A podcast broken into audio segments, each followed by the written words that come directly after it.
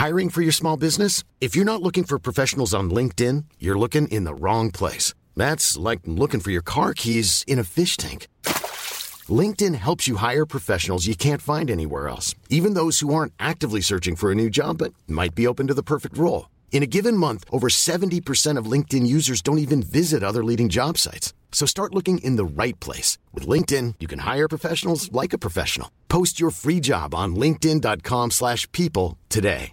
Jewelry isn't a gift you give just once. It's a way to remind your loved one of a beautiful moment every time they see it. Blue Nile can help you find the gift that says how you feel and says it beautifully with expert guidance and a wide assortment of jewelry of the highest quality at the best price. Go to BlueNile.com and experience the convenience of shopping Blue Nile, the original online jeweler since 1999. That's BlueNile.com to find the perfect jewelry gift for any occasion. BlueNile.com. Many of us have those stubborn pounds that seem impossible to lose, no matter how good we eat or how hard we work out. My solution is PlushCare. PlushCare is a leading telehealth provider with doctors who are there for you day and night to partner with you in your weight loss journey. They can prescribe FDA-approved weight loss medications like Wagovi and Zepbound for those who qualify. Plus, they accept most insurance plans. To get started, visit plushcare.com slash weight loss. That's plushcare.com slash weight loss.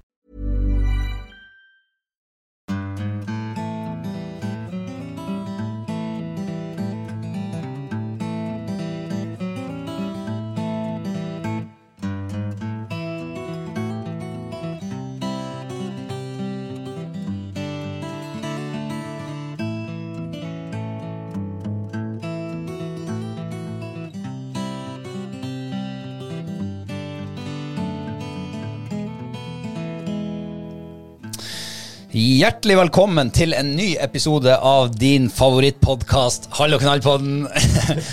og i dag er det jo det er faktisk første innspilling av podkasten utenom Kristine. Og i hennes fravær så har vi altså fått inn supervikar Carl Petter Jong. Takk, takk. Jeg skulle til å si velkommen eh, til oss, men det er jo jeg som skal si velkommen til det, altså, du, du skal si velkommen til meg. Ja, velkommen til deg òg. Ja, takk. ja, for vi har jo forflytta oss fra vårt lille kjellerstudio inn i eh, ditt, eller din kjæreste sitt, proffe studio. Ja, det, det, er jo i hvert fall et uh, flott studio som vi bygde her for en par år siden, uh, som hun bruker til å skape magisk musikk. Ja, for hun er musiker. Hun er musiker. Jeg har hørt litt litt musikk fra henne, og det er stemningsfullt. Absolutt. Hun er flink å synge. Utrolig. Det er sånn, Jeg får gås, gåsehud hver gang hun eh, åpner munnen eh, og, og synger strof, strofe, så det er veldig bra. Ja, det var godt du eh, hang på å synge en strofe. Nei, men eh, for eh, noen av lytterne våre så er jo du ikke ukjent, for du har vært på besøk hos oss før i studio. Ja, stemmer. Jeg husker ikke helt når det var, men det var halvannet år siden eller noe sånt. Ja, det begynner å bli en stund siden. Og, og, og ja, vi er jo naboer nesten, mm. i nordnorsk sammenheng i hvert fall. Et samisk steinkast unna oss. Ja, et samisk steinkast. unna. Så eh, vi ses jo titt og ofte i ulike sammenhenger. Så, men det er veldig artig å kunne være her som eh, vikar. Ja, hvordan tror du det blir?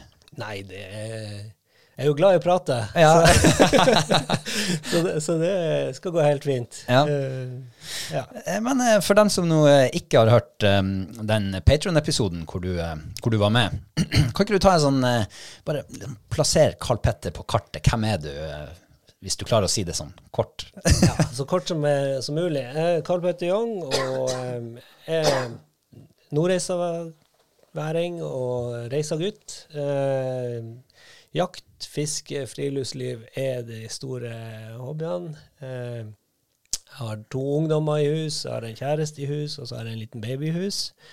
Eh, holdt på med fuglehund, og eh, det er egentlig Hvis jeg skal rangere de tre viktigste aktivitetene i livet mitt, så er det laksefiske, rypejakt og skogsfugljakt. Og der jeg sett skogsfugljakta som det aller, aller, aller viktigste. Ah, så du Men- begynte men i feil ende. Ja, men, men, men, det, men så familien betyr jo masse, selvfølgelig. Men nå var det fritidsaktivitetene. Ja, det er det. Alt det andre, det skal vi ikke rangere. Nei, nei, nei. Ikke sånn for åpen mikk, i hvert fall. nei, nei. nei. Men uh, eh, storfugljakt, laksefiske og rypejakt. Ja. Ja. Nå er jo, eh, nå er jo laksesesongen er vel over stort sett overalt. ja.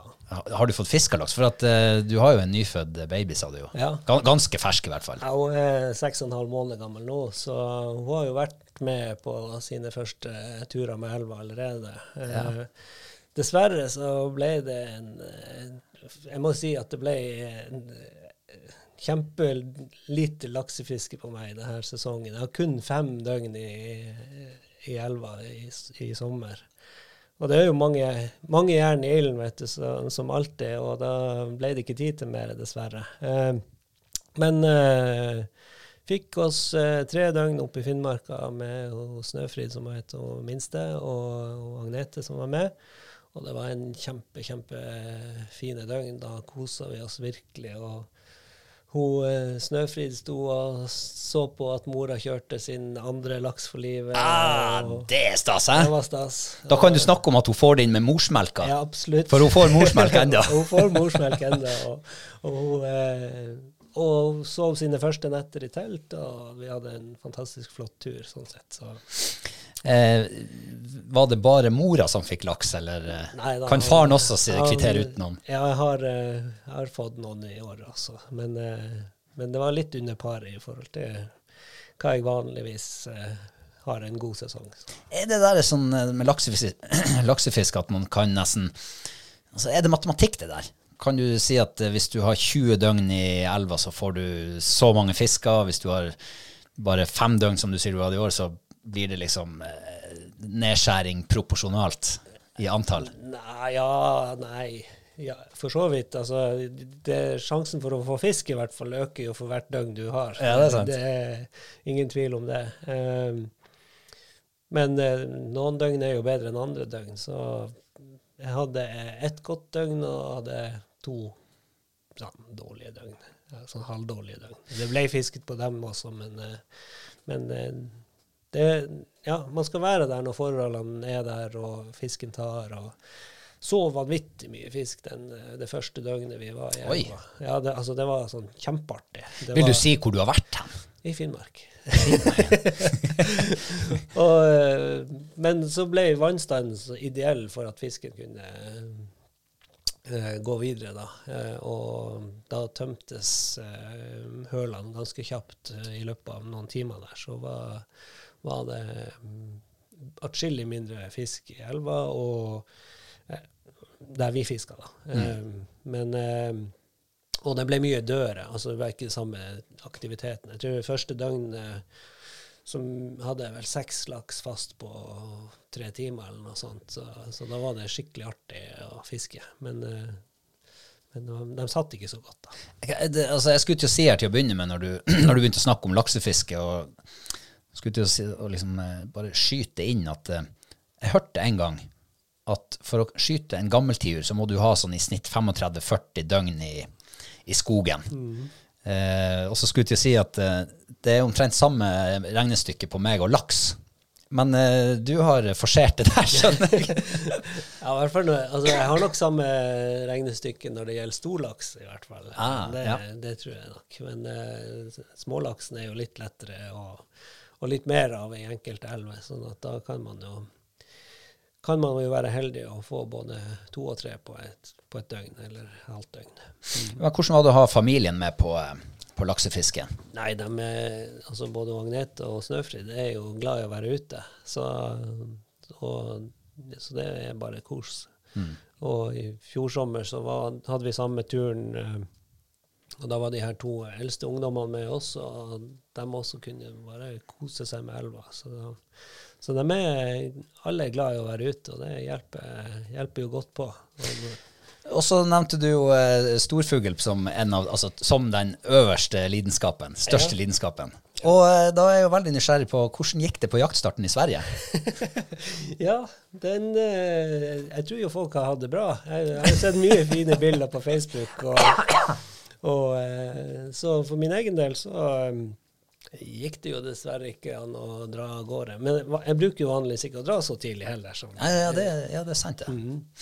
Jeg bruker å ha min uke i oktober, og den, den er spikra nå også. Um, så eh, ja. Jeg, jeg har eh, rett og slett hatt litt eh, for mange jern i ilden og har fått tid til å dra på noe tidlig jaktstart. Jeg hadde egentlig planer om å fære nå eh, onsdagen som var, men eh, da han kompisen min eh, som, jeg- som er jakta med, han eh, fikk det ikke til da. Så, så vi har utsatt det til oktober, og så forlenger vi den uka med en fire-fem dager. I, Så det blir sånn halvannen ukes tur da i oktober. Da er dere dritlei når dere kommer hjem. Ja, Vi har jo et lite hytteprosjekt som vi skal jobbe med også når vi er der. Så. Ja, ja. Uh, ja, nei, men da Du glemte å si hvor gammel du er. Jeg er 46 år. 46 år. Sier du holder det godt. Du er bare litt mer grå i håret enn meg. Ja, takk. takk, takk. Nei, men Da har vi vel eh, plassert deg litt på, eh, på kartet, har vi ikke det?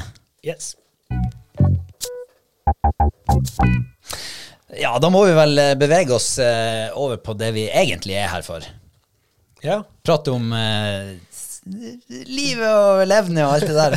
Uka som har vært. Uka som har vært, ja. Hvordan har, eh, hvordan har uka di vært? Har det, har det vært noen høydepunkt, eller, eller lave punkt, kanskje, hvis, eh, hvis det går an til å Det har jo vært eh, Det har vært en, en eh, hektisk uke. Jeg er jo en veldig engasjert fyr som har mange prosjekter og mange ting som skal gjøres til enhver tid. eh, til noens fortvilelse innimellom, innimellom også. Eh, men, Ja, jeg blir så forbanna når jeg ringer og du ikke svarer.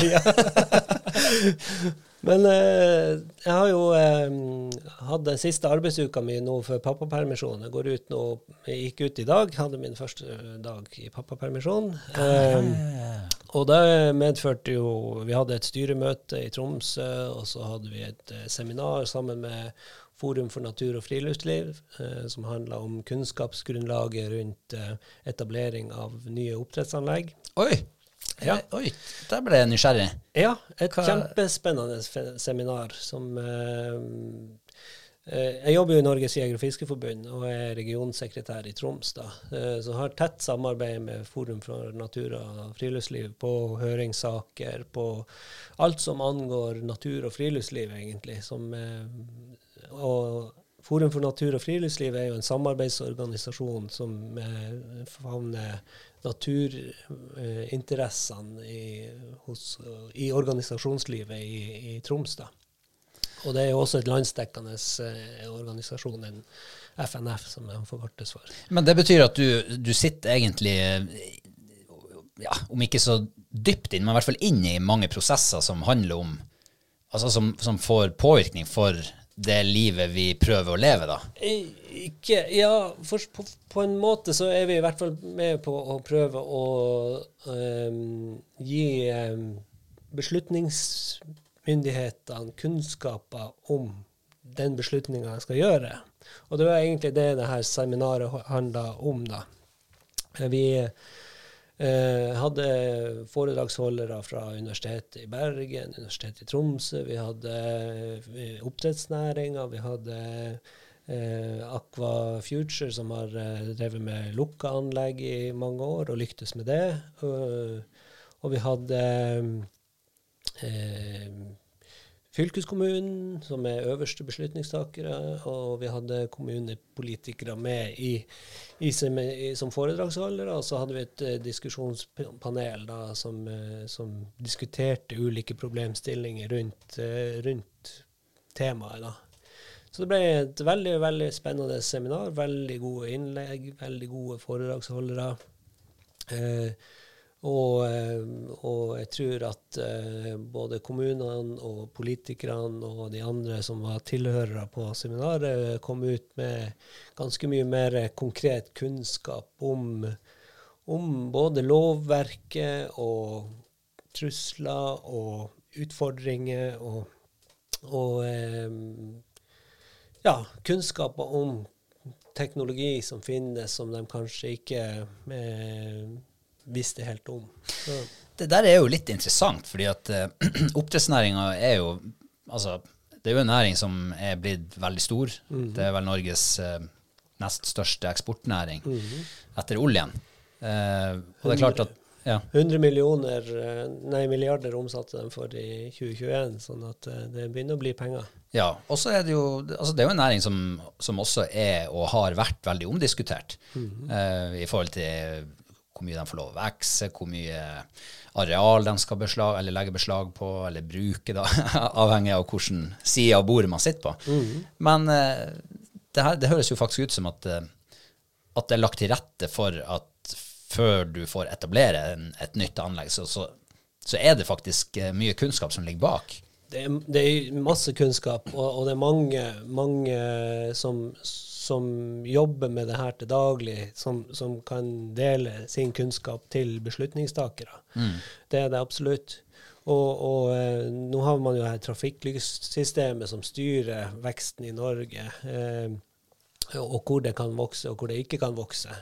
Eh, sånn at, eh, at eh, ja, sånn som i Troms er det jo foreløpig grønt, og det betyr jo at man kan vokse med 6% årlig, så lenge det er, er grønt. Og, Men det handler om luseproblematikken. Ja, trafikklyssystemet handler om tetthet på lys, og, og hvordan, hvordan tettheten er i de ulike regionene. Da.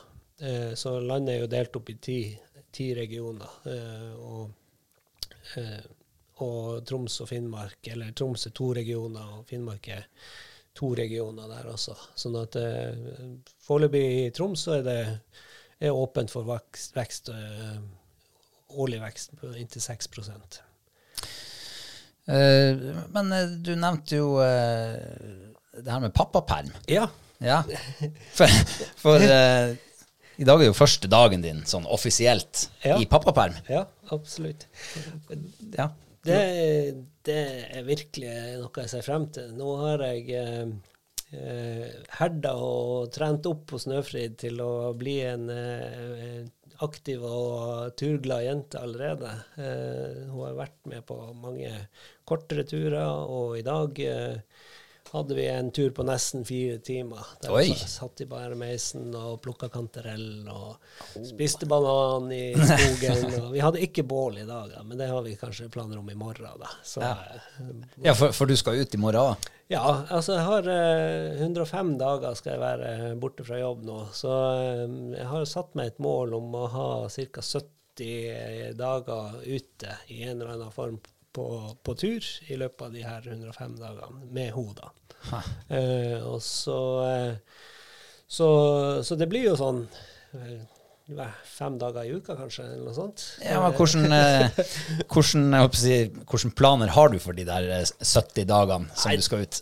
Nei, det litt Hvordan sånn- tenker du? Altså, Hva ser du for deg rundt det der? jeg, jeg tenker at eh, jeg er glad i å være ute, og jeg ser at hun trives med å være ute. Eh, sånn at det blir jo selvfølgelig på hennes premisser. Det blir ikke tolvtimersturer og, eh, og sånne økter. Men, men skal, vi skal være ute, vi kan gå 20 meter bakom huset her og fyre bål og, og bare se på nordlyset, eller så kan vi ta oss eh, noen soppturer, og vi skal gå på jakt når, når eh, jakta starter, og så skal vi ja, eh, hvis det kommer snø og sånn, så tenker jeg at pulken kommer frem, og, og da får hun eh, noen turer i pulk. og Selvfølgelig tilpassa hennes eh, behov og, og, og hva som er mulig å få til. Men jeg er jo litt, litt sånn at jeg liker å, tøye det litt og strekke det litt. Og mora hun, eh, hun Jeg har liksom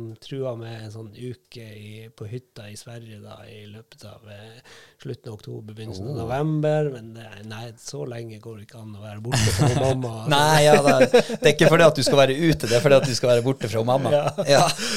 Så, men det er litt sånn jeg, jeg tar det egentlig litt sånn det kommer, men jeg tenker at eh, at eh, jeg skal jakte en del. Skal, det blir selvfølgelig korte turer og korte økter og sånn, men jeg skal jakte en del, og, og hun skal få være med på det. Eh, hun skal ja, ha, ha noen netter i telt og kose seg på, på tur. Og jeg håper jo at både mora og storesøstrene blir med på en del ut av de turene også. Men eh, du sa at det blir på hennes premisser. Ja. Hun har ikke, hun har ikke begynt å prate ennå. Hvordan vet du da at helt... når det er nok for henne? Nå vil jeg hjem, tenker hun, men hun får ikke sagt det. Nei, det, altså man merker det. Hun er utrolig godt humør hele tida. Altså, det er smil fra morgen til kveld uansett hva, hva vi holder på med. Eh, og veldig sånn eh, tydelig på, på hva hun syns er gøy, og hva hun ikke syns er gøy. Altså, Ah. når, altså når, eh, når eh, hun er sulten, og når hun er veldig trøtt, så er det eneste gangene hun hun skriker, da. Eh, så ellers så er det stort smil. Sånn at eh, Det er en eh, fordel å kjenne ungen sin. Yes. Vi, Bruk vi snakka om det her tidligere i en episode om å kjenne hunden sin, Ja. så du vet at når det er noe galt med den. Ja, så det er overførbart til ungene òg. Ja, absolutt. Det, det er en fordel å bruke litt tid med dem før man tar dem ut første gang, i hvert fall. Ja, ikke sant? Nei da, så det, det er vel stort sett det som har vært eh, min uke. Jeg jobber, jobber jo litt frivillig også, eller ikke bare litt, ganske mye frivillig. Så eh, vi holder på med en sånn eh, eh, ny skytebane eh, på, Kjellerskogen til Nordreisa Jeger. Der er jeg baneansvarlig. så vi har akkurat starta utbygginga av eh, en ny sportingbane og en ny jegertrappbane. Sånn at eh, Oi, oi, oi. det blir kjempespennende. Det, Ja, for det dere har i dag, er en sånn vanlig med én kaster. yes. Og nå får dere altså oppgradert eh, Nå- veldig. Nå blir det to baner, en der begge kan brukes eh, som en, det som er jegertrapp, da, som er én kaster og én due. Eh, og så blir det en, en uh, i tillegg en sportingbane som du skyter på dubleer, motgående og fragående, sideveis og alle mulige vinkler og retninger. Så uh, det er et svært prosjekt. Vi har et budsjett på 2,7 millioner totalt. Har ikke hele finansieringa på plass, men vi har ca. halvannen million på plass allerede. sånn at målet for høsten er å få bygd ferdig standplassene og og, eller få støpt standplassene og, og gjort uh, byggkastehusene da, til, eh, til hovedbanene. Og så, og så eh, starter vi med friskt på til våren når snøen er borte. Og, Det aner meg at du skal ut og selge litt lodd ut gjennom vinteren her. For Ja, du vi- mangler en million i finansiering. Nei da, vi har, eh, vi har eh, søkt, søkt en del midler og fått en del midler, så eh, vi regner med at vi er egentlig i havn med Når vi får alle tilskuddsmidlene på plass, så skal vi være i havn med hele budsjettet. Så Men du, du, jeg vil nå tilbake til det du starta med. Du var, sa du var på sopptur i dag, ja. og plukka sopp. Og. Hvordan ser det, ser du? Det har vært et veldig bra soppår fram til nå, i hvert fall. Ja, det er helt ekstremt. Altså, det, man finner jo kantarell. Jeg plukker jo bare kantarell. Eller jeg har leita etter den steinsoppen, men, men i min bakgård så er den ikke. Eller jeg fant vel ett eksemplar som jeg var litt usikker på, men jeg har nå spist det, og jeg lever nå ennå. Ja, for jeg fikk en snap hos deg for flere uker siden. Ja. Om det var, det var steinsopp du hadde funnet. Ja. ja da, det ser ut som det var det, siden du fortsatt er i live. Ja. Ja. Så, men eh, kantarell er det jo enorme mengder. Altså, jeg jeg plukka i 20 minutter i dag og fylte vel en sånn der femliters uh, bærenett som jeg har til den der eh, Ja, vet du, det er helt sprøtt. Altså, jeg fikk snap av moderen i dag. Hun hadde vært på sopptur i formiddag. Og det, vet du hva? Jeg tror ikke jeg har sett så mye sopp på ett bilde før. Ikke her ifra vårt område, i hvert fall. Man ser det jo sørpå. Alt er bedre sørpå, vet du. Der fyller de bagasjerommet med steinsopp og sånn på bilen. Og store bagasjerom. Ja. Men her oppe eh, Vet du hva, det, jeg, jeg, har, jeg kan ikke huske at det har vært så mye sopp i skogen. Nei. Tenk hvis man hadde vært soppekspert. Du hadde aldri trengt å ta niste med deg på tur. Du hadde funnet soppen i, i marka, eller maten i marka. Ja, absolutt. Nei, og det, og det, er, jo, det er jo en, egentlig en uutnytta ressurs. Eh, Det, det, vi er ikke mange som går og plukker sopp, altså. Nei. Det, jeg vet om fem, kanskje. så, sånn at det, det er ikke mange. Og, og, eh, men jeg har gjort det i mange, mange år, og bare plukka da, fordi at eh, jeg syns det er en fantastisk god matsopp. Veldig mye tørker jeg og bruker mer, mer som et krydder eller som en tilsetning i en suppe eller noe sånt. da. Eh, Men forveller jo også noe, og så har jeg nå frosset noe mm, direkte. Men, men ja, så, så det må brukes ganske kjapt, det som fryses eh, hel, da. Ja, hvor lenge varer det? Ja, et Halvår går fint. Ok. Ja. Men eh, når vi begynner å passere et halvår, så syns jeg det begynner å bli litt besk. Og, og, og, Ja, for det, man smaker fort på soppen hvis den har vært eh, frossen for lenge. Ja. I hvert fall altså den som er råfrøsen. Eh, det slo oss i vinter når vi I fjor så, så råfrøs vi ganske mye. Og altså, du klarer jo ikke å ete så mye på så kort tid. For, ja. Og når, når vi da kom, eh, om det var over nyår eller rundt jul, og skulle hente opp sopp og steke i panna, så det var en sånn eh, Du, du kjente at den der er over Det blir en sånn besk, eh, stram smak ut av det, syns jeg i hvert fall. Kantarellen. Så sånn sett kan det oppbevares lenger, så er det jo best å forvelle det først. da. Så. Men din uke, da? Mm. Ja, Hvordan min har uke. den vært? Nei, jeg har jo, det har jo vært uff, jeg, jeg har jo slettet med den hosten nå i en måned. Vi var jo på festival her i, på Storslett for en måned siden, og jeg ble smittet av et eller annet der. Eh, Og jeg har gått og hosta siden. Og vi måtte jo faktisk eh, utsette den der eh, sesongpremieren av podden fordi at jeg, jeg kunne ikke prate. Okay. Men jeg, altså, jeg, jeg kjenner enda at det henger litt igjen. Og nå i helga, vi var jo vi var i Oslo i helga. For uh, de, de som skal på, på 71 grader nord, de hadde en sånn pressetreff på fredag. Oppe i Voksenkollen, på Soria Moria. Har du vært der? Nei, ikke vært der. Men du har hørt om Soria Moria? Ja, det har jeg. Jeg lurer på om det var en regjeringsplattform som ble laga der en Ja, gang. Kanskje det var Erna Solberg og kompani som var der. Ja. Så det var faktisk litt artig å være der. Fantastisk hotell. Eh, sånn konferansehotell. Den utsikten over byen. Altså, Oslo, når, man, når jeg tenker på Oslo, så tenker jeg asfaltjungel, høye bygninger, masse bråk og støy og alt det som vi ikke liker. Og så kommer du liksom oppi der, og du, du Altså, det er jo oppi Holmenkoll-området. Er over hele byen, liksom. Over hele byen, ja. Så du ser utover der, og det er Nordmarka rett i bakgården. Jeg måtte google Nordmarka. Der er visst masse tiur uti der. Ja, jeg har vært på jakt der. Har du det? Ja. Ja, har, du, har du felt tiur der? Nei. jeg skulle kanskje ikke sagt det. ja, jeg vet ikke det. Men jeg skjønte at det var mange spillplasser der. Ja. Og en god del folk som drar på de der eh, spillplassene og leter og får liksom oppleve det. Eh, nei, så vi har vært i Oslo i helga og hadde jo store planer. ikke sant? Skulle jo gå ut og spise på fredag, gå ut og spise på lørdag. Og, og så ble hun jo sjuk rett før vi reiste. Så vi reiste jo ned, og hun har egentlig ligget skinnflat siden da. Oh, ja. Knaska tabletter bare for å komme seg gjennom det, der, eh, det hun måtte være med på. da. Eh, så det ble jo litt sånn amputert tur, da. Ja. Men eh, allikevel så eh, så var det noe fint å være der. Ja. Fint å være sammen med henne. Så vi, vi har eh, spist Foodora-mat hele helga. Ja, okay. ja, det hadde jeg mye av i sommer når vi var på Stockholm-ferie. Da var jo koronasjuk, så da Ja. ble det Foodora der. Altså. Ja, men tenk hvor lettvint. Ja, Altså, for, en, eh, for et konsept. Men hun er klar til å dra ut på tur med Johanne? Ja, jeg tror, hun var, jeg tror de har eh, begge to på en måte liksom eh, vokse seg inn i altså, Det er jo en tanke som skal modnes, og det er jo en liten, jeg tror de har gått gjennom en sånn liten prosess. Eh, og det har for så vidt jeg også. Ja, Ja, klart. jeg har jo tenkt helt fram til nå når vi var der nede, at eh, ja, en måned alene, og det blir fint, det. Ja. og, så, og så har jeg begynt å tenke litt mer i helga, liksom. Og, nei, jeg er jo litt usikker på hvor fint det blir. For jeg, jeg er ikke vi- Altså, jeg og Kristine vi har jo ikke vært ifra hverandre så lenge noensinne. Nei. Vi har jo hunget i, i lag som skjorta og buksa, eller ræva og skjorta, eller hva det heter. ja, for dere er på tur, og alt gjør dere egentlig i lag hele tiden. Ja, ja. Vi har jo ingen venner. Vi, vi har noen bekjente. Noen bekjente som kan stikke innom av og til hvis det Ja. Nei, så eh, det, det begynte å demre for meg i løpet av den helga at uh, hvordan i all verden skal jeg komme meg av det her? For, for hennes del, sant? hun skal jo bare ut, og de skal jo sikkert, det går jo sikkert i ett i, i ukevis. Så jeg tror ikke hun blir å liksom eh, reflektere så veldig mye over eh, at vi ikke er i lag. Nei. Uh, men jeg har tenkt at uh, hvordan blir det egentlig å være alene hjemme så lenge?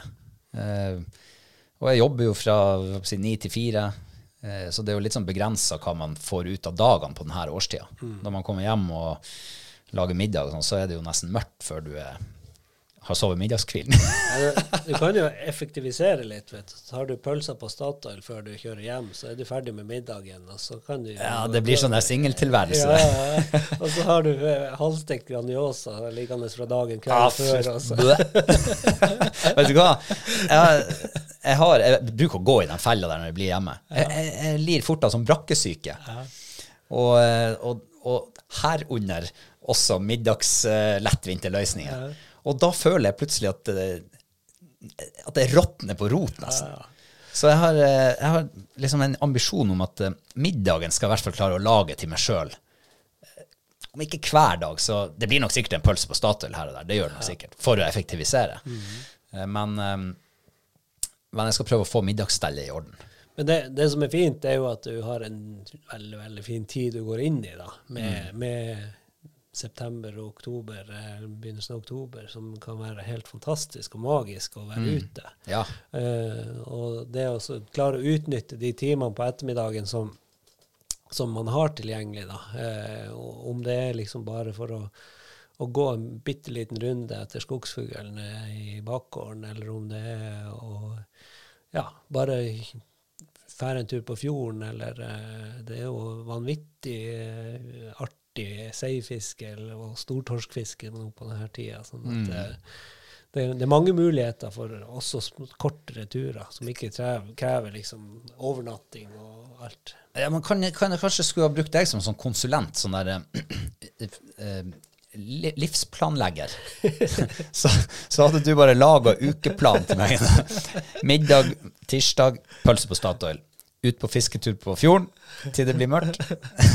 og så hjem, og så dagen nummer tre, altså onsdag, så er det Ja, da blir det vel gjerne burger på Statoil. Ja. Det, det, mitt tips i hvert fall, det er altså uh, utsette middagen til uh, kveld, til det Ja, blir sånn, mørkt. For det, det gjør vi nesten gjennom hele året. Så det er svært sjelden at vi spiser middag før klokka fem. Det, Ah, ja, ja. det er sånn to av, eh, av syv dager i uka, maks. Det- ja, men hvor lenge utsetter du den da, da? Når, Ja, du, da har når du utsetter den? Da har vi gjerne middag i åtte-ni-tida på kvelden. Er ikke det sånn man legger på seg og spiser feit middag rett før du skal legge deg? Du er jo så aktive på dagen, så det går helt fint. Ja, det er sant. Ja. Så, eh, og så er det jo bare å spise bitte litt mindre, så går det helt fint. Så, Ja, ja, det er sant. Mhm. Og så ser jeg, i dag er jo liksom, det er jo dag én i dag av, jeg vet ikke hvor mange dager det er, 30 kanskje. Mhm. Og em, i dag lagde jeg faktisk kveite. ja. Eh, og det- var et eller annet med den kveita som gjorde at det var ganske godt. Mm. Så jeg klarte ikke å slutte å ete. Jeg åt jo til jeg holdt på å spy.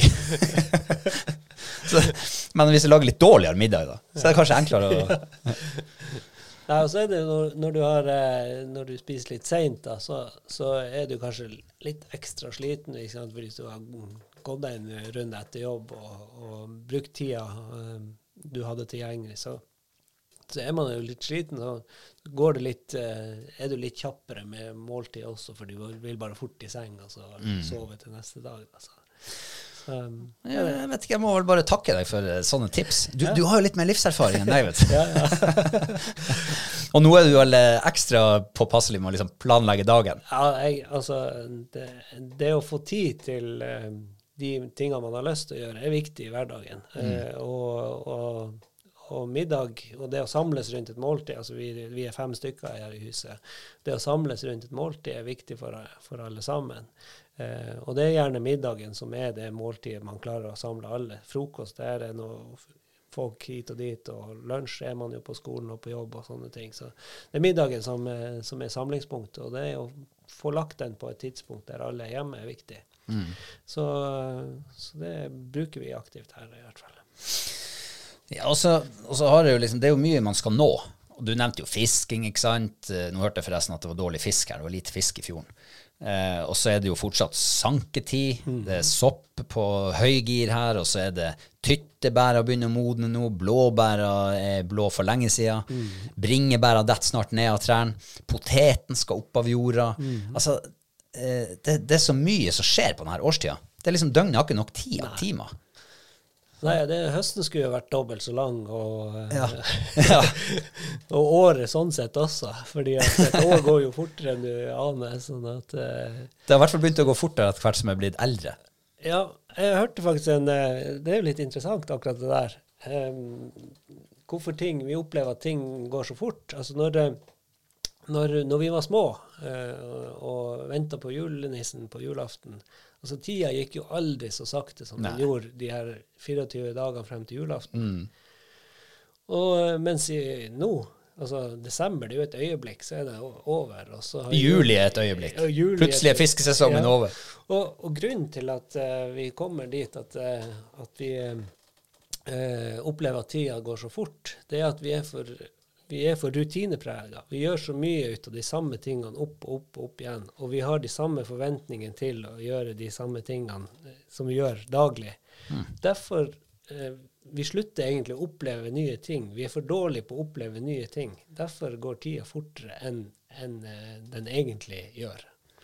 Ah. Ja. Jeg tenkte du skulle si noe at, eh, at vi har et sånt der jag etter altså vi, vi har aldri tid til å sette oss ned og kjenne på at vi kjeder oss litt. Og så kom du med at vi gjør det, Det samme hele tida. Det er det motsatte. Vi er for rutinemennesker. Vi er for, vi er for opptatt av at jeg skal stå opp til frokost, spise frokost, eh, gå på jobb. Vi, alt er rutine. Så når vi eh, klarer å bryte ut av rutinen og gjøre nye ting, nye hobbyer, nye, skape ny aktivitet eller sånne ting, så går tida kjapt, saktere. Vi skulle egentlig jobba 50% alle sammen. Og så hadde man hatt mye mer tid til å gjøre nye ting. Ja. Oppleve nye ting. Ja, det hadde ikke gjort noe, det. altså. Skal vi, kanskje, vi bare, kanskje vi bare legger inn et lite sånn eh, En liten note til han, eh, han Støre. Større om at uh, redusert arbeidstid for, uh, for menn i 40-årene eh, Ja, ja, ja, ja, ja. Jeg er helt enig. Vi lar den stå der. Ja, ja. Nei, ja, men det er, jo, eh, det er jo lov å håpe. Ja. Ja, det er det. Men eh, nå er det jo en annen ting som vi går og venter på, håper på, skal bli bra. ja. Og det er jo eh, Hva skal jeg si? Det er jo høstens høydepunkt for veldig, veldig mange. Veldig, veldig mange. Da tror jeg du tenker på rypejakta. Tenker selvfølgelig på det. Ja. Nå, nå teller vi ned. Nå er det fem dager igjen til jul, liksom. Ja. Eh, Men eh, hvis vi nå hadde bare liksom skrudd litt av, gjort sånn som ungene på julaften, eller i desember, begynne å vente på julaften. Hvis vi nå bare hadde lagt oss på ryggen og ligget og vente på 10. september, så hadde vi fått litt lengre uke. Tida hadde gått litt saktere. Da hadde det gått litt saktere. fordi at hvis vi nå hadde bare tenkt at OK, du skal dra til en ny plass i år. Du har aldri vært der før. Bare nye jaktkompiser. Eh, ny hund. Ny hagle. Eh, Det hørtes veldig dyrt ut. og, og, og, og så skulle du ikke gjøre noe frem til da. Altså du, ingen, ingen jobb, ingen eh, Da hadde du opplevd at tida gikk kjempesakte. Ja. Fordi at da har du ligget bare og venta og venta og venta. venta, venta, venta. Ja, det har ikke jeg hatt tålmodighet til. Det blitt tullete. Ja, ja, nei, det, sånn sett er det jo bra at, uh, at de går fre, fort frem til noe starter. Men det, Ja. det som er kjipt, det er når eh, det moroa starter, så går det jo dobbelt så fort uh, når den har Så er det over så fort, ja. Men uh, rypejakta er jo det er jo eh, nasjonaljakta i Norge, vil jeg si. Altså, det er- Folkesporten, liksom. Folkesporten, ja. Eh, og, og ikke sport. Det er ikke sport. Det, det er ikke sport. Nei, unnskyld. Det er faktisk eh, å høste av natur, naturens overskudd. Mm. Eh, og og helse, helsegevinsten for, for folk som jakter, er ja, undervurdert, altså. For den er stor. For det er, det er både det fysiske aspektet i det, men ikke minst det, eh, ikke minst det sosiale aspektet i det. Og det å ha noe å glede seg til, noe å se frem til, noe å strekke seg mot. Eh, og det, det er ikke bare den uka det pågår, eller den, den høsten det pågår, men det er gjennom hele året. Sånn at eh, vi skal Rypejakta er viktig og stor. Eh, og nå har jo jeg eh, gjennom jobben min så har jeg jo vært med på, på eh, forvaltningsmøter der store grunner i Troms er jo Statskog, og de har jo gjennomført eh, rypetellinger over kjempestore deler av, fylket. Og de Ja. har, har faktisk i år fått med eh, ganske mange private eiendommer utenfor Tromsø som aldri har vært med i eh, deres grunnlag for bestandsestimat tidligere. Eh, og det er lokallagsprosjekt som er kjørt av Tromsø Jeger og Fisk for å få med grunneierne på, på den tellingsmåten, distance sampling, som, som brukes da.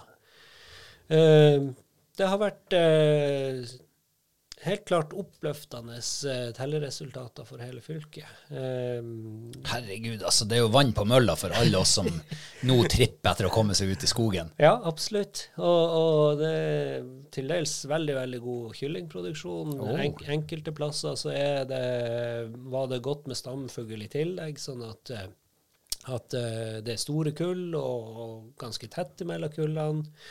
Uh, mens andre plasser, og spesielt på kysten, så er, har det vært eh, litt dårligere, da. Men, eh, det, for det har jo vært noen magre år i det siste. Og eh, vi har jo tenkt i de siste fire-fem årene at nå er bunnen nådd. Og så kommer neste år, og så blir det enda dårligere.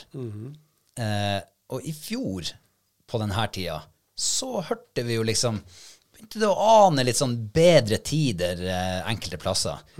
Og i år så er tellingen altså vesentlig mye bedre. Vesentlig mye bedre. Eh, jevnt over. Eh, Er vi på tur i en sånn her, inn i en god periode nå? Kanskje de neste årene blir kjempebra? ja. Eh, vi, ser, eh, vi ser betydelig oppgang i eh, smågnagerbestanden. Og, og eh, det var bra med stamfugl mange plasser. Eh, vi hadde en perfekt sommer. Eh, rundt eh, klekkinga så var det helt, eh, helt magisk med værmessig. Ja. 30 varmegrader og masse insekter og, og utrolig flotte forhold. Eh, og så har det nok eh, enkelte plasser vært ganske stor sånn eh, predatorbelastning på, på, på en del eh, områder, sånn at du har fått en del eh, kyllinger som har, har eh, bukka under av den grunn. Og så kan det jo være andre årsaker. Det kan jo være eh, parasitter og sånt som også tar, tar kyllinger. Men, men jevnt over så er vi veldig er vi på tur oppover, og, og vi kan jo håpe med, et, med en, bra høst, eh, en god vinter med gode beiteforhold på vinteren, og, eh, sånn, så, og en tilsvarende god vår neste år, så kan det, kanskje vi få toppåret i 2023. Men det er jo eh, altså, For alle dem som nå eh, ikke har bestemt seg for om de skal ut på jakt på lørdag, og i så fall, hvis du skal ut på jakt, hvor hen, så er det jo litt dumt å sitte nå og eh, male altså det motsatte av fanden på veggen.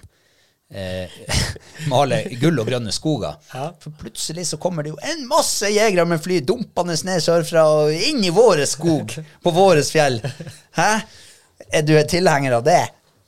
Nei, ja, altså Jakta er jo på statsgrunn er jo åpen for alle, og det er Ja, et vikt, er viktig prinsipp. Ja.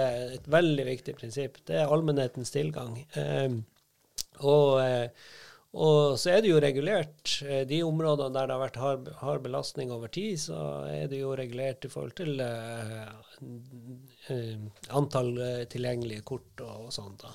Uh, men nå er det vel stort sett Nå har jeg ikke sett full oversikt. uh, over hvordan det ligger an nå i Troms, men, men i hvert fall det som ble antyda på det møtet som jeg var med for halvannen uke siden, så var det egentlig bare Senja som lå an til å bli stengt da, pga. at der var det veldig dårlig produksjon. da. Men har du hørt noe fra lenger sør i landet?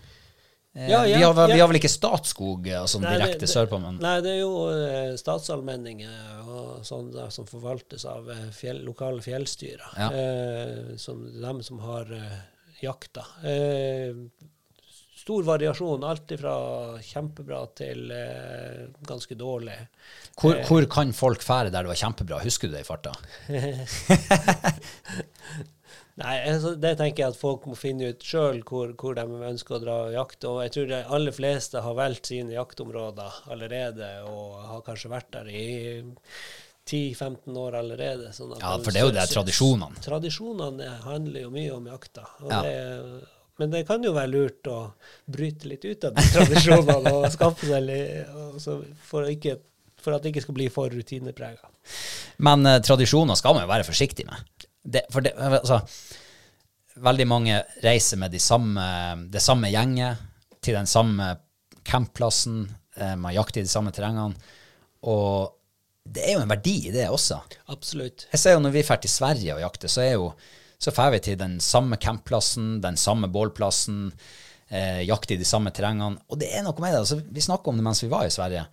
altså, hvor du, du får en sånn her ekstra sånn Du føler en sånn ekstra tilhørighet til Litt sånn ekstra omsorg for akkurat det området der du jakter hvert år. Og det må jo være verdifullt for det området. Absolutt. At du liksom ikke Ja. Du skyter ikke for mye, du blir liksom Altså, du tar vare på det. Du på, på en måte mikroforvalter det, det. ja. ja. Lokalfor, spesiell lokal forvaltning ut ifra ditt øye som jeger. Ikke sant? Ja, ikke sant? Nei, ab absolutt. Og jeg, jeg syns jo at eh, det å, å ha en tilhørighet til, eh, til et sted og til en plass, og, og det å føle at noe er ens egent på en måte, i gåseøya, da, eh, er absolutt viktig å, å, å skaffe, skape sine egne tradisjoner. Eh, men samtidig så er det litt sånn at, eh, at vi, vi har, det er jo rom for at vi kan mm, skape noe nytt. Skape nye tradisjoner. Mm. oppnå eh, Få nye opplevelser, nye, nye plasser med nye kompiser. Og inkludere eh, kanskje noen andre enn det man vanligvis ville ha gjort på, på den samme jakta. Eh, fordi at eh, jakta handler jo om både om kunnskapsformidling, eh, høsting av et, en, at naturens overskudd, og eh, ikke minst ta vare på, på eh, naturen og omgivelsene man, man beveger seg i. Men eh, hva, er, altså, hva betyr rypejakta for deg? Altså, hva er rypejakta for deg, liksom? Ja, rypejakta er det, det, For meg er det faktisk eh, mye den der eh, naturopplevelsen. Det å, det å være ute, se, se på hunden som jobber, og, og finne rypekull, og så gjøre en god jobb med det. Og, og selvfølgelig, for meg så Jeg er jeger, så for meg handler det også om å felle, felle noen fugler. Eh, sånn at jeg Og så er det den stillheten, den roa. Det er ikke noe stress. Jeg, jeg stresser ikke på rypejakt. Jeg går med hagla knekt og skuddene i lomma, og, og går gjerne sammen med gode kompiser. Og bruker ikke å gå, vi bruker ikke å, ikke å gå så mange i lag. En eller to kompiser er i lag med meg. Eh, og så eh, å gå og prate om livet. Altså alt ifra bleieskift til eh, tenåringsdøtre til, Ja, kjæreste. til kjæreste og, og, og jobben og, og alt. Og få utløp for, for litt ut av det der eh, man går og, og, og surre i hverdagen med, rett og slett. Eh, og, så, og så plutselig så, så ser man jo Oi, der har hunden noe på gang, og der tar han stand.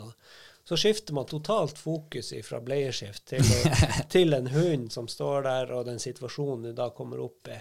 Og, eh, og for å gjøre det beste ut av den eh, situasjonen. Da. Eh, og, så, og så kan jeg gjerne ligge fire timer i lyngen og fyre bål og drikke kaffe, og bare Er det godt vær, så er det ingenting som slår det.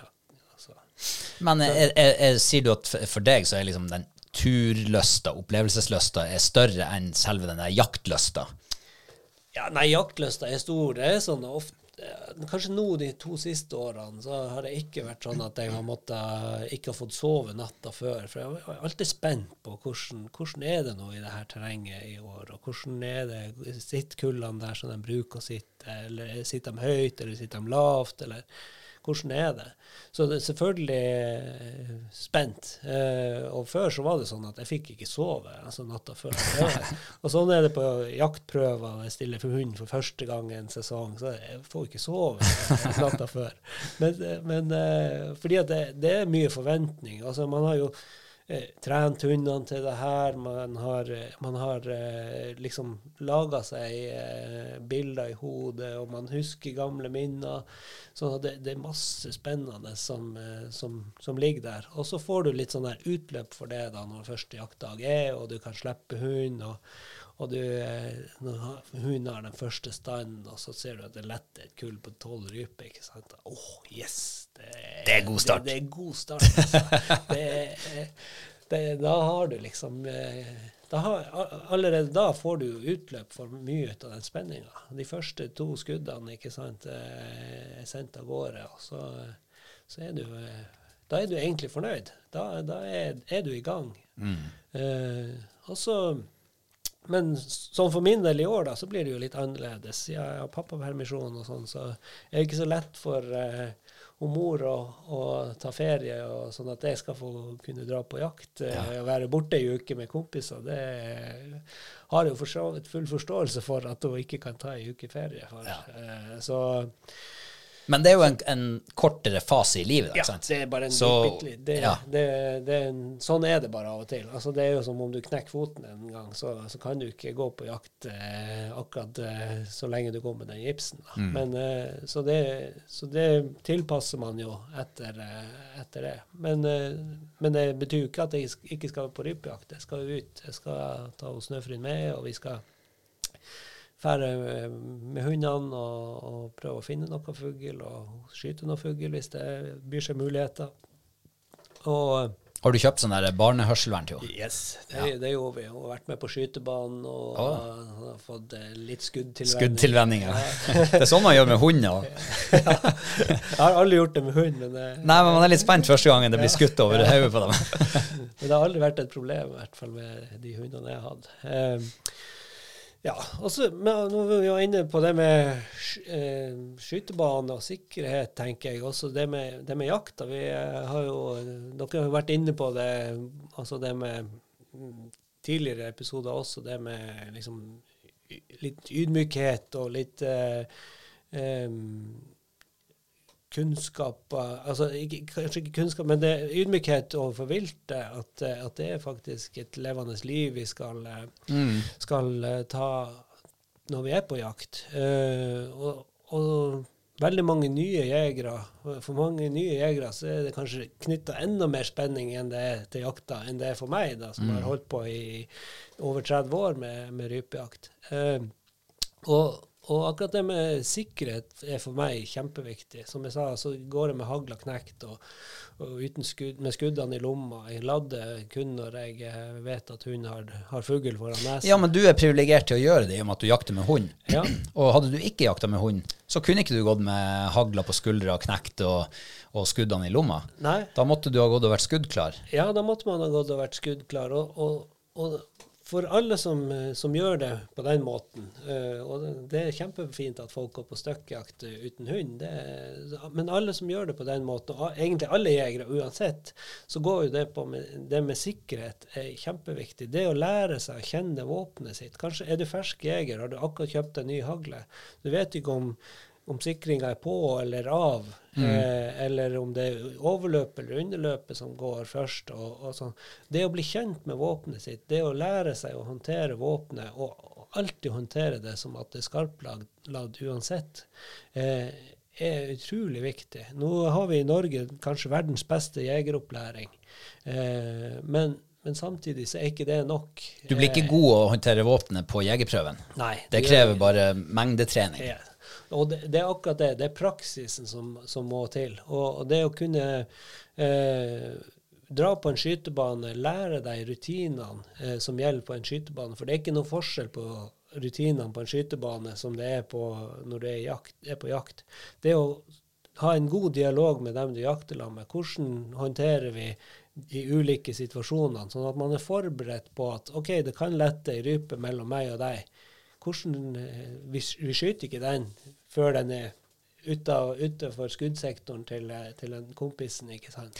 Nå, nå, er, nå syns jeg at du er inne på liksom kjernen, essensen i akkurat det sikkerhetsaspektet som du tar opp. Mm -hmm. For det der handler jo om eh, altså rett og slett min og din trygghet. Ja. Altså i verste fall livet, ja. hvis man setter det ordentlig på spissen. Mm -hmm. Men, men det, det, skjer jo. Men, men den der det er jo ingenting som er så slitsomt som å gå på jakt hvor de her eh, sikkerhetsaspektene er uavklart. Mm -hmm. altså, og det skjer jo gjerne når man begynner å gå på jakt med en ny jaktkamerat. Mm -hmm. eh, altså følelsen av at du er litt usikker faktisk på om den rypa skulle lette imellom oss. Mm -hmm. Blir det skutt da? Mhm. Og hvordan håndterer man det? Altså Har man snakka igjennom det? Og det er nettopp det, det å snakke om de her tingene med dem du jakter sammen med. Vær, vær, forberedt på det. Altså, Diskuter det før dere går ut om morgenen. Diskuter hva, hvordan gjør vi sånn? Hvordan skal vi OK, hvis vi går med skudd i hagla, det er greit. Det, vi kan gå med skudd i hagla. Men da skal det enten henge på skuldra, eller skal den peke motsatt retning av den, det, den retninga kompisen er. Altså mm. motsatt side. Og at man har avklart det. Da, da vet man det. OK, hvis, hagl, hvis jeg går med hagla i handa, så peker jeg ikke til høyre der du går. Da går jeg med hagla pekende til venstre, og du går og peker din hagle til høyre, sånn at den er utafor uh, vår uh, sikkerhetssone. Mm. Og hvis den ryper letter mellom oss, ja, hva gjør vi da? Da hiver vi oss ikke rundt og skyter på den, eh, begge to. Mm. Da må vi avvente og se at den kommer utafor den sikkerhetssonen. Og så må vi også sjøl det gjør jeg bestandig, sjøl når jeg går alene på fjellrypejakt f.eks. Så så hvis, da kan jeg jo selvfølgelig gå med skudd i hagla. Eh, men eh, hvis jeg krysser en bekk eller et vanskelig eh, område der det kan være litt glatt eller eh, store steiner og sånn, så knekker jeg alltid hagla for å, for å være sikker på at, at hvis jeg detter og slår hagla i, i, bakken, så går ikke skuddet av. Eh, og det, det, å lære seg sånne ting og tenke, hele tida tenke sikkerhet i forhold til eh, hvordan man jakter og hvem man jakter sammen med, det er utrolig viktig. Og Så til alle nye, nye jegere, snakk om de her tingene med dem dere skal jakte sammen med. Eh, dra på skytebanen, lær dere rutinene rundt eh, hvordan hagla deres fungerer, hvordan ting gjøres på en skytebane. Eh, forhold dere til de sikkerhetsreglene som, som gjelder til enhver tid.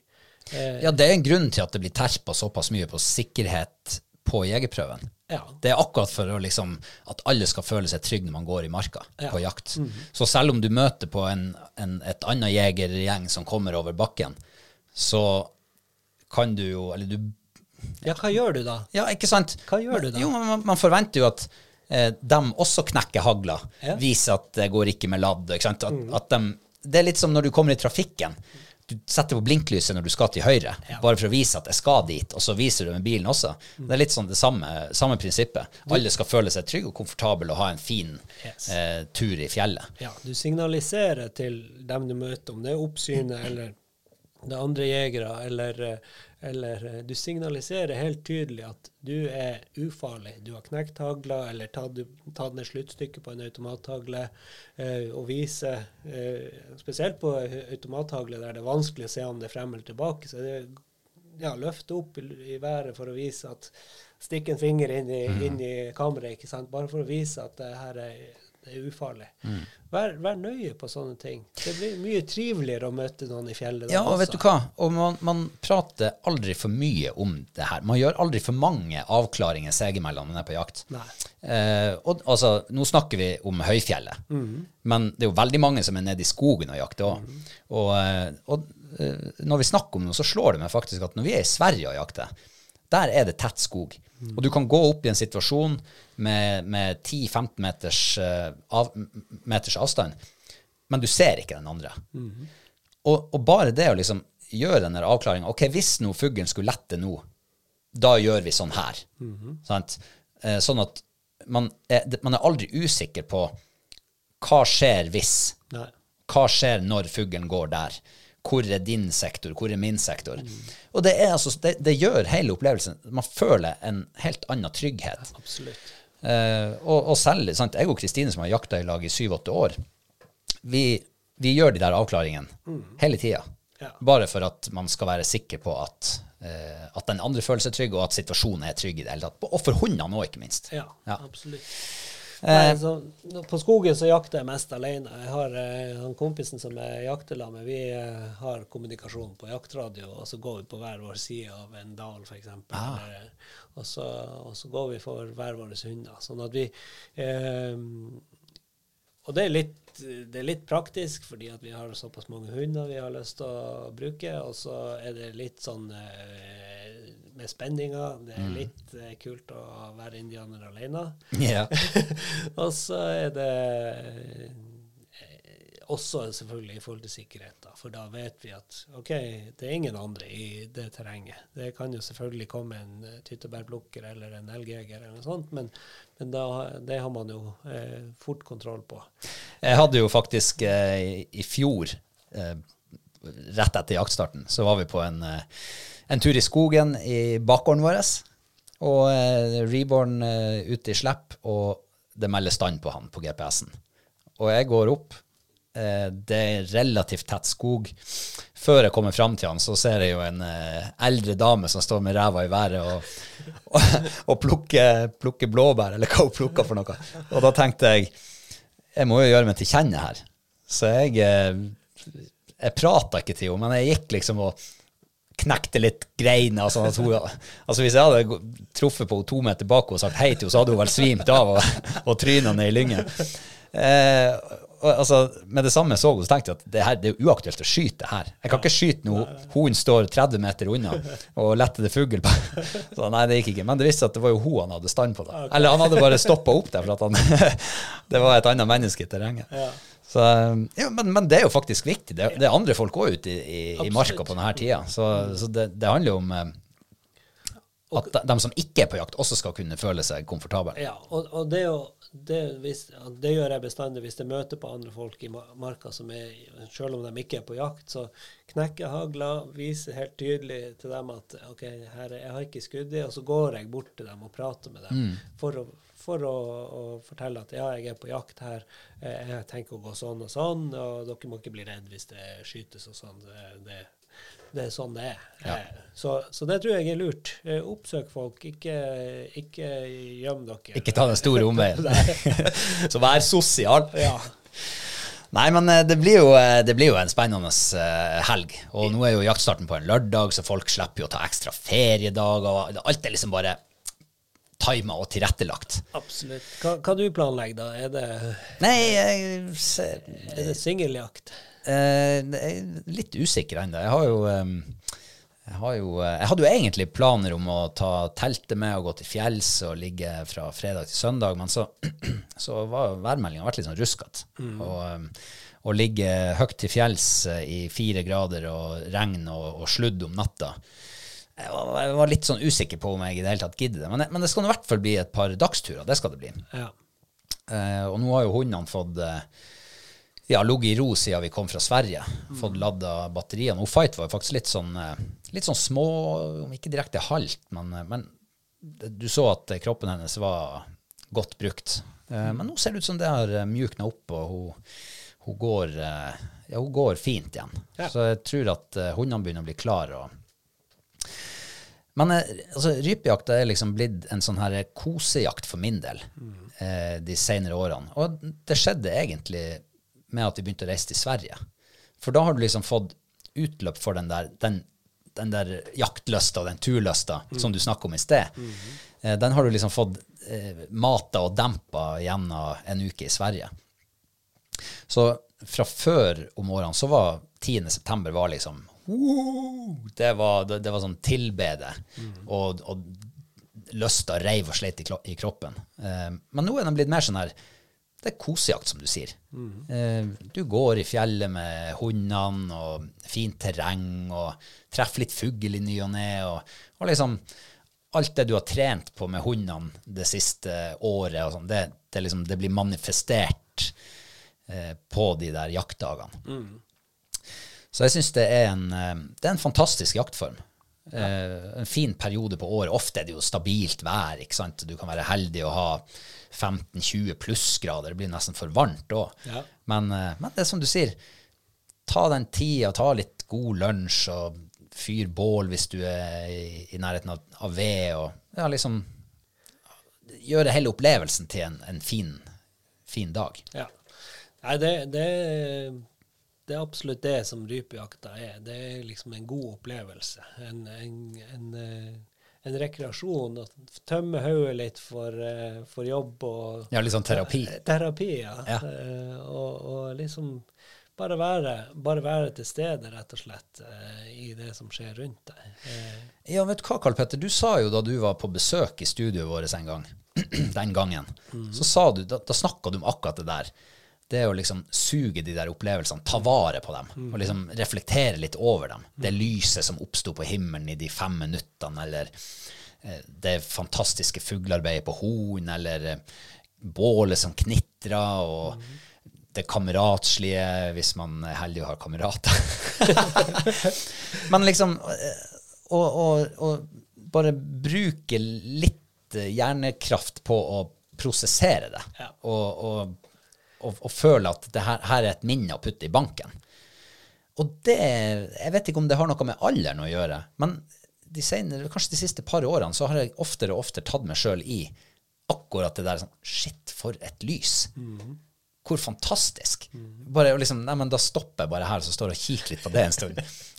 og så selvfølgelig så fisker du opp telefonen, så tar du bilde av det der, og så vet du at du kommer jo aldri til å glane på det bildet uansett. Og det bildet klarer uansett ikke å vise fram hvor fantastisk fint det egentlig var allikevel.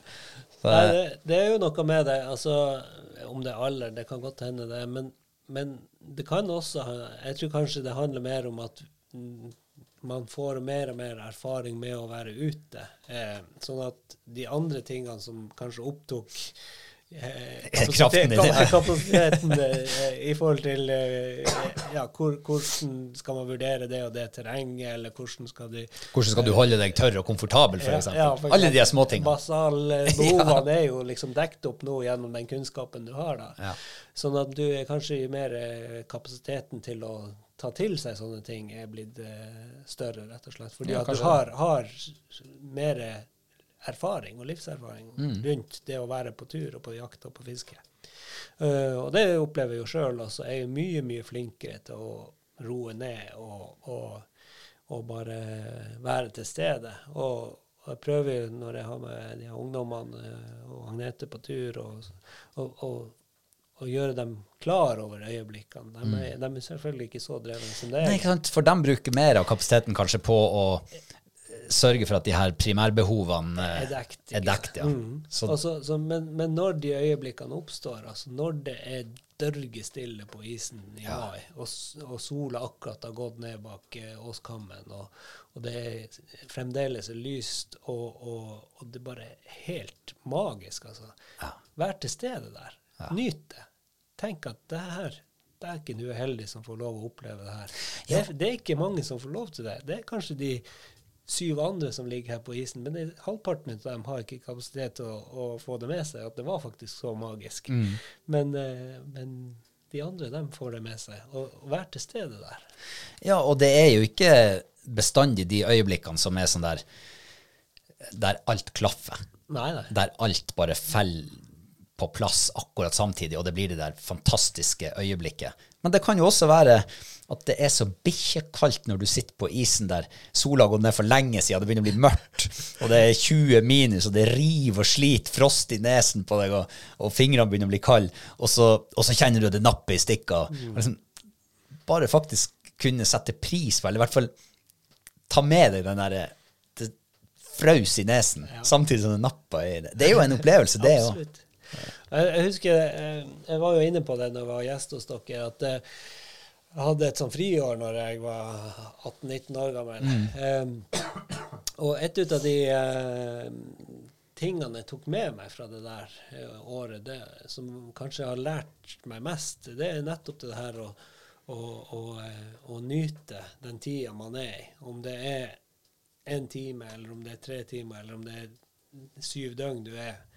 Det å kunne være til stede i det lille, lille eh, øyeblikket man er der. Så, eh, og jeg husker det at eh, når, man, når vi lå på 60, 60. dagen var det vel på tur vi hadde vært sammenhengende, så, så hadde vi det vi grua oss mest til. Da skulle vi ned dagen etterpå. Vi grua oss mest til, det var å fære ned. eh, Og, og liksom ikke skulle være i øyeblikket lenger, men måtte forholde oss til andre folk og Ja. Eh, og, men det vi gleder oss mest til, som man kanskje tar som en eh, selvfølge eh, ellers, det er den der iskalde colaen. Ja. Som vi nå bare går rett i kjøleskapet vårt og henter når vi har lyst på. ikke sant? Ja. Så, mm.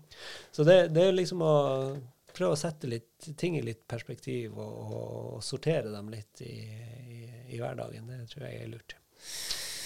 Ja, nei, vi må vel eh, Vi må vel til slutt bare ønske alle rypejegerne eh, lykke til Skittjakt. Skittjakt, ja. Kos dere på jakt, og Ja. ta vare på kompisene, og eh, nyt øyeblikket. Altså Jeg kunne ikke ha sagt det bedre. Men eh, du nevnte du her i sted at rypejakt for deg er jo, eh, det er jo også mat. Det handler om å, å skaffe seg litt mat i fryseren. Og eh, da skal vi jo over på ukas mathøydepunkt. Ja, for meg så må jo det være reinbiffen vi hadde her om dagen. Nei. Er den henta i, eh, i Røros-traktene, eller er den henta på eh, Kautokeino-traktene? Den er henta på Arnøya. Oi, oi, oi, kystrein! Kystrein. Er ikke den feit og fin? Den var veldig fin. Var, Kystreven er jo i hvert fall feit og fin, så ja. tipper at hvis uh, rein går og beiter i samme område som reven, så er han også feit og fin.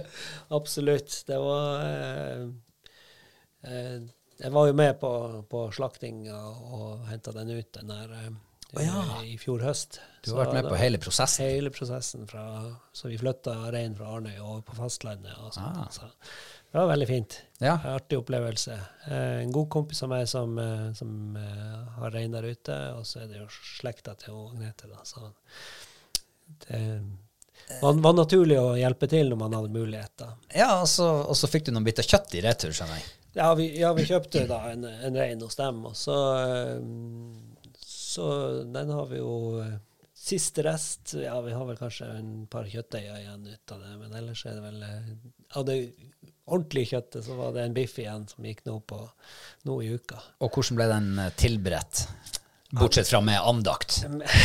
ja, det var Altså Jeg, syns jo um, at uh, en, en reinbiff eh, Sånn som jeg lager det nå, da. Jeg har mange forskjellige måter jeg gjør- det på, men den jeg lager nå, da oljestekte jeg eh, krydderpoteter. Så jeg hadde salt og masse krydder eh, som jeg eh, stekte i olje. I panna. I, i- ja, i en, eh, i en kasserolle. Altså Ja. bare riste med lokk. Uh, ny potet, småpotet. Oh, ja, for du er potetbonde også. Ja. Ja. Ma mandel, da. Ja. Eh, og så hadde vel eh, jeg eh, kantarell, eh, smørstekt kantarell til, ja. Fersk, nyplukka kantarell. Ja. Og så lagde jeg en, eh, en fløtesaus. Nå husker jeg ikke om jeg hadde noen grønnsaker til, men vanligvis bruker jeg å ha brokkoli eller blomkål.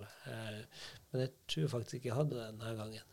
Men ifølge han Hellstrøm, så i hvert fall når man lager fisk, så skal du ha en god fisk, en god grønnsak og en god saus. Ja. Så det trenger ikke, man trenger ikke så mye. Nei. Nei, så det kan hende at det var, bare kantarellene som, eh, som var tilbehøret. Men det er snakk om sesongmat, da. Ja. Sopp og, eh, og, og, og potet. Og potet, ja. Og, ja, rein er for så vidt blitt helårsmat. ja, og rein er jo sesongmat eh, for dem som driver med villreinjakt. Ja, det er sant. Ja, det er sant. Så Nei og så så stekte jeg jo biffen eh, da, som Jeg stekte hele, hele biffen i ett. Eh, på middels varme, på godt smør, eh, godt med salt og pepper på. Eh, Steke den noen minutter på hver side, lar den hvile. og så- oh ja, du sånn tar den ut og inn sånn. Ja. Ja, og det blir så saftig og godt kjøtt av det. utrolig godt. Og det, var helt, det ble helt perfekt sånn en konsistens. på Og da er jeg veldig spent på terningkastet på den retten. Jeg er jo sparsom med de sekserne, og du sier at det ikke er lov å gi pluss på terningen, så da er det en femmer. Altså, det er ikke jeg som sier det. Har du- sett en terning med pluss på? Det er enten fem eller seks. Jeg Eller fire. Jeg har, jeg har sett en sånne terninger der pluss på ene sida. Ja, ja, det må være noe sånn rollespillterning. Ja, det kan godt hende. Barneterninger. ja, men terningkast fem er jo virkelig bra. Det er bra. Ja, det er knallbra. bra. Det var, hele gjengen syns at det var en uh, veldig god matopplevelse. Ja, det er jo bra. Er, er ungene også sånn som setter pris på god mat? Absolutt. Og eh, nå tror jeg de har skifta litt, men eh, for eh, få år tilbake så var deres favoritt det var storfugl. Oh. Mm. men det er litt ekstra stas å lage mat til folk som setter pris på gode smaker. Ja, det- og gode råvarer. Og gode råvarer. Ja. Eh, jeg, altså jeg har, jeg har jo vært, som sagt, på reisefot. Eh, og det blir jo litt sånn her Altså, vi skulle jo gå ut og spise, ble ikke noe av. Eh, så da blir det litt sånn B-løsninger. Men eh, det var faktisk noe som overraska på lørdags formiddagen. For da hadde vi fotballkamp klokka halv to. Og eh, var jo tidlig oppe og spiste frokost, og så begynte jeg å bli litt sulten, og klokka nærma seg 11.30 12. Så jeg gikk ut i Vi bodde borte i nærheten av Grønland, så jeg gikk ut, og så gikk jeg med en runde. Og så gikk jeg liksom Jeg hadde eh, Maps på telefon, og så så jeg liksom på alle restaurantene som var i nærheten. Eh, og så, av en eller annen grunn, så havna jeg inn på en sånn eh, kebabsjappe på Grønland torg. Og det så veldig fint ut, eh, liksom. Jeg gikk inn der og spurte har dere god kebab her. Ja, sa han. eh, Har du spist her før? Nei, nei, så jeg. Bare ei forbifart, da. Så pekte han på veggen, og der henger et avisutklipp fra en eller annen Oslo-avis, der overskrifta var 'Byens beste kebab'. Og da tenkte jeg OK, det her blir lunsjen. Ja. Og det var altså, altså Når du går og kjøper kebab på de her vognene som står rundt, og klokka begynner å bli nærme seg tre om natta, så forventer du ikke så mye. Eh, men det er jo det vi er vant til. Her var det hjemmelaga lefse, det var jeg skulle ikke si sånn ferskskjært kjøtt. Eh, og det var faktisk kjempegodt. Den beste kebaben jeg har spist i mitt liv. Ja. Jeg husker ikke hva den heter, men eh, den ligger på, helt på enden av Grønland torg. Så for dem som er i Oslo, begynner å bli litt sånn sulten på lunsj eller et eller annet sånt, stikk innom der. Og det her er ikke reklame for den, det er, det er bare ting som har skjedd meg. så, så, men det blir liksom Det der med mat, det er jo litt viktig for oss, ikke sant? Det blir jo mer og mer viktig, og mer vi har spist, vet du. Ja, så, men så har du igjen det der med de forventningene. Og, og forventningene mine på den lørdags formiddagen var liksom ikke all verdens. Kristine lå sjuk, eh, det ble liksom ikke ut på restaurant som vi hadde planlagt. Så da synker forventningen. Og så traff jeg på det der fenomenet der. Ja, Det var en skikkelig positiv overraskelse. Jeg er kjempeglad for det. Ja, det er bra. Ja. Det, det er absolutt eh, Kebab er ikke, ikke noe å forakte. Og jeg kan si eh, kebab.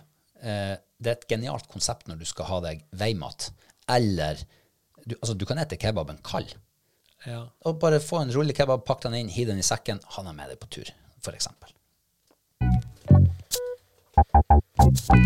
Du, vi har jo, eh, vi har jo det her, eh, dem som er patron hos oss. Og eh, vi har jo, jeg og Kristine har jo en sånn liten eh, intern konkurranse, for vi bruker jo å gjette på hvor folk er fra. Eh, og det, det er jo veldig ofte veldig tynt eh, materiale å gjette på. Altså, det står ikke adresse, det, det, vi, av og til er det ikke et profilbilde engang. Så vi har stort sett navn, og av og til et profilbilde å gå på. Så da er det liksom magefølelse. Ja. Eh, og eh, hun vant vel eh, muligens akkurat forrige sesong. Okay. Knepen seier. Mm. Eh, og denne sesongen så begynner jo den med at du må være stand-in for henne på gjettinga også. OK, ja, men det, det syns jeg er spennende. Ja, for- jeg, jeg bruker å være god å anslå sånne der ting. Ja, for eh, da, da skal vi jo se hvor god du er å, å anslå ting bare basert på navnet. For vi har en ny patron denne gangen Ja, okay. som vi skal ønske velkommen, og det er han Andreas Hansen. Og jeg tenker jo at Andreas Hansen, det er jo et veldig eh, et veldig vanlig navn. Ja. Både Andreas og Hansen. Ja, absolutt. Så, så um, jeg, vet, jeg tror bare jeg spiller ballen over til deg, siden du er så god å anslå. Hvor er han Andreas Hansen fra? Er det ikke det litt urettferdig at eh, jeg skal tippe først, da? Ja, altså, jeg, jeg kan jo ta den, jeg, da. Skal jeg, eh, resonnere rundt eh, valget? Ja, det må du gjerne gjøre. Ja. Ja. Men hvis ikke du bare plukker opp resonnementet og, og bruker det sjøl, så Ja, men jeg har liksom Jeg bruker med en gang å få en sånn her liten idé i hodet mitt. Ja, OK. Ja, men nei, jeg har jo et uh, resonnement rundt det. Og Andreas ja, OK, det, det er en gutt, det vet vi. Ja, Mest sannsynlig. Mest sannsynlig. Ja. Og Hansen det er jo også et vanlig etternavn. Å ja. Ja. Det kan du egentlig hete over hele landet. Det kan du hete over hele landet. Men jeg har eh, faktisk følelsen av at vi skal eh, et stykke sør fra her vi eh, holder til nå. OK. Vi skal litt mer ut mot kysten. Oh, Ja. ja. Uh, og så Altså, hvor langt sør beveger vi oss, Ja, vi, liksom? er, vi kommer ned til Nordland, da. Ja, Nordland, ja. Ja. Ikke Trøndelag. Ikke, nei, ikke Trøndelag. Uh, vi er ute, på, ute, på, ute Nordland. Uh, vi kjører utover mot Sortland. Ja, vi, altså der, ja. Vi er i Vesterålen. Ja, og så havner vi faktisk ut på Andenes. Ah. Så han Andreas Hansen på Andenes Hva tror du han driver med? Eh, han, For han, han hadde en rev som profilbilde, men det er det veldig mange andre også som har, for det er bare den standard eh, profilbildet. Så det var ikke noe hjelp å få Da der. holder han jo på med mm, Han er elektriker. Ja, ok, hva gjør han mellom eh, fire og ni? Når han ikke jobber som elektriker? Ja, da holder han på med litt uh, revejakt og uh, små, småviltjakt. Ok. Ja. Da har du plassert han Andreas eh, på Andenes, Ja. Uh, og han er reve- og småviltjeger. Ja. Ja. Uh, jeg tror faktisk ikke vi skal eh, sørover i det hele tatt, jeg. Jeg, eh, jeg tror vi skal holde oss i eh, gamle Troms fylke. Eh, og det blir jo Troms fylke igjen om ikke så veldig lenge. eh, og eh, jeg vet ikke, jeg har liksom i det siste hatt jeg får liksom sånn her sentrale Troms, altså Tromsø-regionen, der havner jeg. Eh, og, og jeg tror ikke vi skal inn til Balsfjorden, jeg tror vi skal holde oss i Tromsø kommune. Eh, jeg tror kanskje han er fra Jeg tror kanskje han er fra Kvaløya. Eh, men han bor sikkert i Tromsdalen. Okay. Og så, og så har han tilgang på, eh, eh, på et eller annet sånn eh, privat jaktfisketerreng ute på Kvaløya, tror jeg. Og så har han et hemmelig vann der som han eh, driver og så kubber storøy i, tror jeg. Så det, det reveprofilbildet, det er bare sånn uh, skalkeskjul? eh, nei, altså det er bare det at han ikke har lagt til noe. Det er bare en sånn avatar som alle får. Ja, okay. Ja. Ok. Så, så, så jeg tror han er fra Tromsø, og du tror han er fra Andenes. Ja. Eh, Heter det Andenes kommune der ute? Andøya kommune. Andøya kommune, kanskje. Ja, det gjør det kanskje. Um, ja, men i alle fall, Andreas, eh, hjertelig velkommen eh, til oss. Vi setter veldig pris på deg. Og eh, så hvis det skal bli noe fart i den konkurransen her, så, så bør du jo nesten eh, sende fasiten til oss. så, så får vi se om Karl Petter klarer det. Ja, ja, ja, ja, det er jo det. Og så er det jo litt artig også å høre om om det er revejeger og småviltjeger, eller om det er fisker, eller altså Jeg vil jo tippe at bor han på Andenes, altså hadde han bodd på Andenes, noe jeg ikke tror da, så hadde han jo vært Han hadde hatt noe med maritim næring å gjøre. Det er jo veldig fiskerikommune, Ja, men det er noen eh, leverandører til eh, de andre næringene nå. Altså, Ja, det er sant. Elektriker på Andenes, det, det finnes det. Altså hvis, hvis du er elektriker på Andenes, så, så blir det to poeng til deg, Karl Petter. Ja, det er greit. Ja, det må det bli. Ja, men da er vi eh, Da er vi altså kommet til veis ende i dag. Ja. Hvordan uh, har du hatt det som uh, vikar? Nei, jeg, jeg, jeg syns jo sjøl at uh, det har gått veldig fint, og det er artig å sitte og prate med deg. Ja, Den er jo hyggelig å høre. Det har vi gjort mange ganger før. Ja. Og så er det Ja, så syns jeg vi har fått opp eh, noen spennende tema. Eh, vi går inn i en utrolig spennende tid. Det er jakt, det er rypejakt, det er elgjakta starter om ikke så lenge, og så er det nok skogsfugljakt. Og mange, mange spente og forventningsfulle eh, jegere der ute som, eh, som eh, ja, venter på høstens høydepunkt. Så, så det, ja, det er en uh, utrolig spennende tid vi går inn i. Uh, hun har sagt at uh, du får ikke lov å være bedre enn hun. nei, nei uh, altså, det var ikke det hun sa. Ikke være for god, for hun har lyst til å, få setet sitt tilbake igjen når hun er tilbake en gang. Ja, ja, det skal hun få. Det, Men, uh, men eh, blir vi å se, se det igjen eh, neste mandag?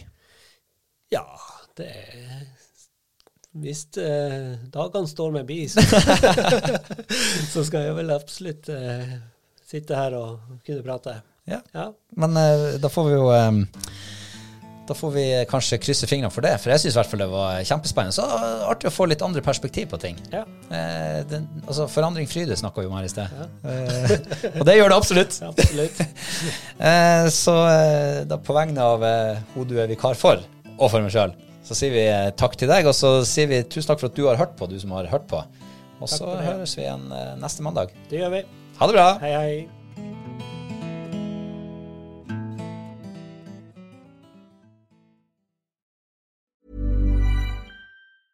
Even when we're on a budget, we still deserve nice things. Quince is a place to scoop up stunning high-end goods for 50 to 80% less than similar brands. They have buttery soft cashmere sweaters starting at $50, luxurious Italian leather bags, and so much more. Plus, Quince only works with factories that use safe, ethical, and responsible manufacturing. Get the high-end goods you'll love without the high price tag with Quince. Go to quince.com slash style for free shipping and 365-day returns. Ever catch yourself eating the same flavorless dinner three days in a row? Dreaming of something better? Well, HelloFresh is your guilt-free dream come true, baby. It's me, Kiki Palmer. Let's wake up those taste buds with hot, juicy pecan-crusted chicken or garlic butter shrimp scampi. Mm. Hello Fresh. Stop dreaming of all the delicious possibilities and dig in at HelloFresh.com. Let's get this dinner party started. Hi, I'm Daniel, founder of Pretty Litter. Cats and cat owners deserve better than any old fashioned litter. That's why I teamed up with scientists and veterinarians to create Pretty Litter. Its innovative crystal formula has superior odor control and weighs up to 80% less than clay litter. Pretty Litter even monitors health by changing colors to help detect early signs of potential illness. It's the world's smartest kitty litter. Go to prettylitter.com and use code ACAST for 20% off your first order and a free cat toy. Terms and conditions apply. See site for details.